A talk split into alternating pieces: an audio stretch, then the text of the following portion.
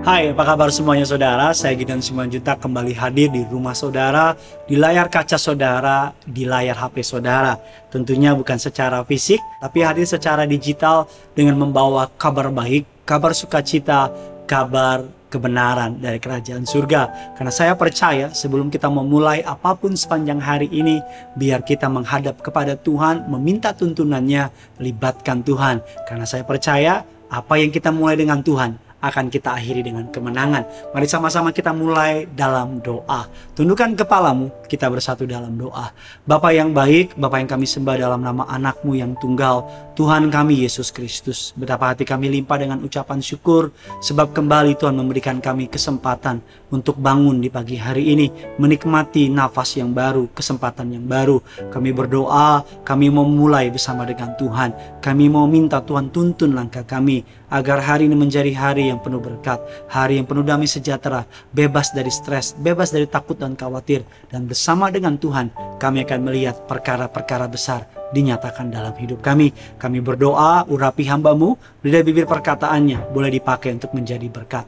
Nama Tuhan yang dipermuliakan. Dalam nama Bapa, Putra, dan Roh Kudus, dalam nama Tuhan Yesus. Setiap kita yang siap diberkati, sama-sama kita katakan, Amin. Hari ini kita akan membahas sebuah tema dengan judul apa artinya mengikuti Yesus.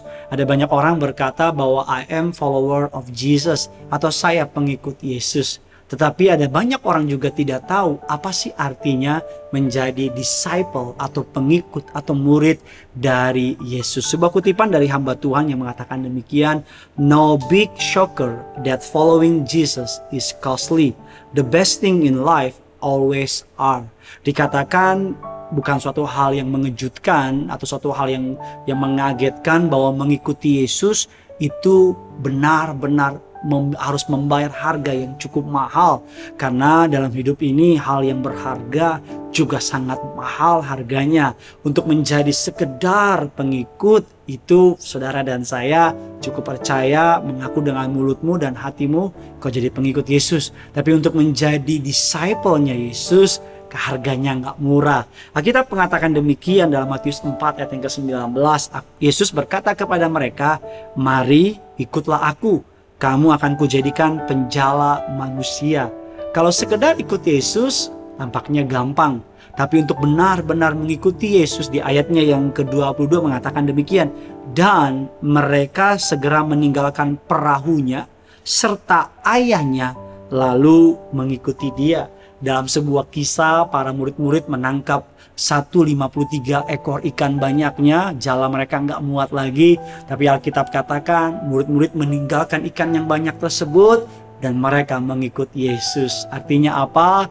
Meninggalkan dunia, meninggalkan dalam tanda kutip berkat untuk ikut Yesus ada banyak orang di balik berkatnya yang membuat mereka meninggalkan Yesus.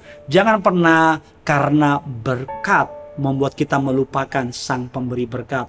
Jangan sampai karena ciptaannya membuat kita melupakan sang pencipta. Karena yang paling terpenting dalam hidup ini adalah siapa yang memberikan kita kehidupan, nafas kehidupan kita, sumber berkat jauh lebih penting dari berkatnya, pencipta jauh lebih penting daripada sang pencipta. Apa sih artinya mengikuti Yesus? Yang pertama, mengikuti Yesus, Alkitab katakan harganya tidak murah. Karena para murid-murid meninggalkan segalanya ikut Yesus. Tapi jangan takut, Alkitab mengatakan demikian. Matius 16 ayat yang ke-24 lalu Yesus berkata kepada murid-muridnya setiap orang yang mau mengikuti aku ia harus menyangkal dirinya memikul salibnya dan mengikuti aku. Karena barang siapa mau menyelamatkan nyawanya ia akan kehilangan nyawanya. Tapi barang siapa kehilangan nyawanya karena aku ia akan memperolehnya. Ada seorang anak muda yang kaya kitab katakan hidupnya baik dan dia bertanya kepada Yesus guru yang baik apa yang harus kami lakukan untuk beroleh hidup yang kekal apa jawab Yesus ada padamu kitab para nabi lakukanlah itu 10 hukum Taurat orang muda ini berkata dan semuanya sudah. Lalu apa kata Yesus? Jualah hartamu yang banyak itu dan pergilah ikut aku. Dan orang muda itu pergi dengan sedihnya karena hartanya terlalu banyak. Alkitab mengatakan lebih mudah seekor unta masuk ke lubang jarum daripada orang kaya masuk ke lubang jarum. Kalau saudara pernah pergi ke Israel, ada yang namanya uh, lubang jarum atau pintu unta saudara. Ketika saya ke sana saya menyadari bahwa arti dari lebih mudah seekor unta masuk ke lubang jarum pada orang kaya karena pada zaman itu ada pintu-pintu di belakang. Pintu utama di sebuah kota kalau orang kaya lewat mereka nggak perlu susah payah. Karena pintunya terbuka dengan bawa banyak barang mereka dipuji orang. Tapi pintu jarum atau pintu lubang unta ini saudara kalau mau lewat lubang itu karena pintunya kecil harus menunduk dia. Jadi harus menunduk bahkan mungkin sedikit merayap Orang kaya rasa-rasanya nggak mau kayak begitu. Karena untuk merunduk, merayap, butuh kerendahan hati. Itu yang Tuhan maksud. Mengikuti Tuhan artinya saudara harus merendahkan hati saudara. Bukan hanya rela mengorbankan harta saudara, mengorbankan apa pun untuk Kristus. Yang kedua adalah merendahkan hati saudara. Karena tanpa kerendahan hati, saudara dan saya tidak dapat dipakai oleh Allah.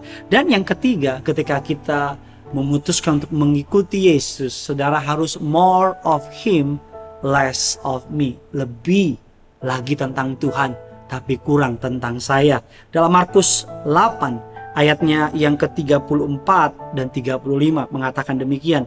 Lalu Yesus memanggil orang banyak dan murid-muridnya dan berkata kepada mereka, setiap orang yang mau mengikuti aku, ia harus menyangkal dirinya, memikul salibnya, dan mengikuti aku. Karena siapa mau menyelamatkan nyawanya, ia akan kehilangan nyawanya. Tapi barang siapa kehilangan nyawanya karena aku dan karena Injil, ia akan menyelamatkannya. Firman Tuhan mengatakan, sangkal diri, ikut Yesus. Satu ayat yang terakhir memberkati saya, Yohanes 3 ayat yang ke-30. Ia harus makin besar, tetapi aku harus makin kecil. Pengalaman, apa pun itu yang kita miliki, biar semuanya kita serahkan kepada Tuhan. Alkitab mengatakan ia harus makin besar, aku harus makin kecil. Selamat mengikuti Yesus, selamat menjadi pengikut sejati, selamat menjadi para murid-murid Kristus. Bagikan kabar baik ini sebanyak mungkin kepada orang-orang yang saudara kasihi, karena saya percaya semakin kita menjadi berkat, semakin banyak orang diselamatkan. Jangan lupa like dan komen, karena like dan komen saudara mempengaruhi algoritma di YouTube agar makin banyak channel ini menjangkau jiwa-jiwa di luar sana yang punya surga. Crazy in love with you. Bye bye.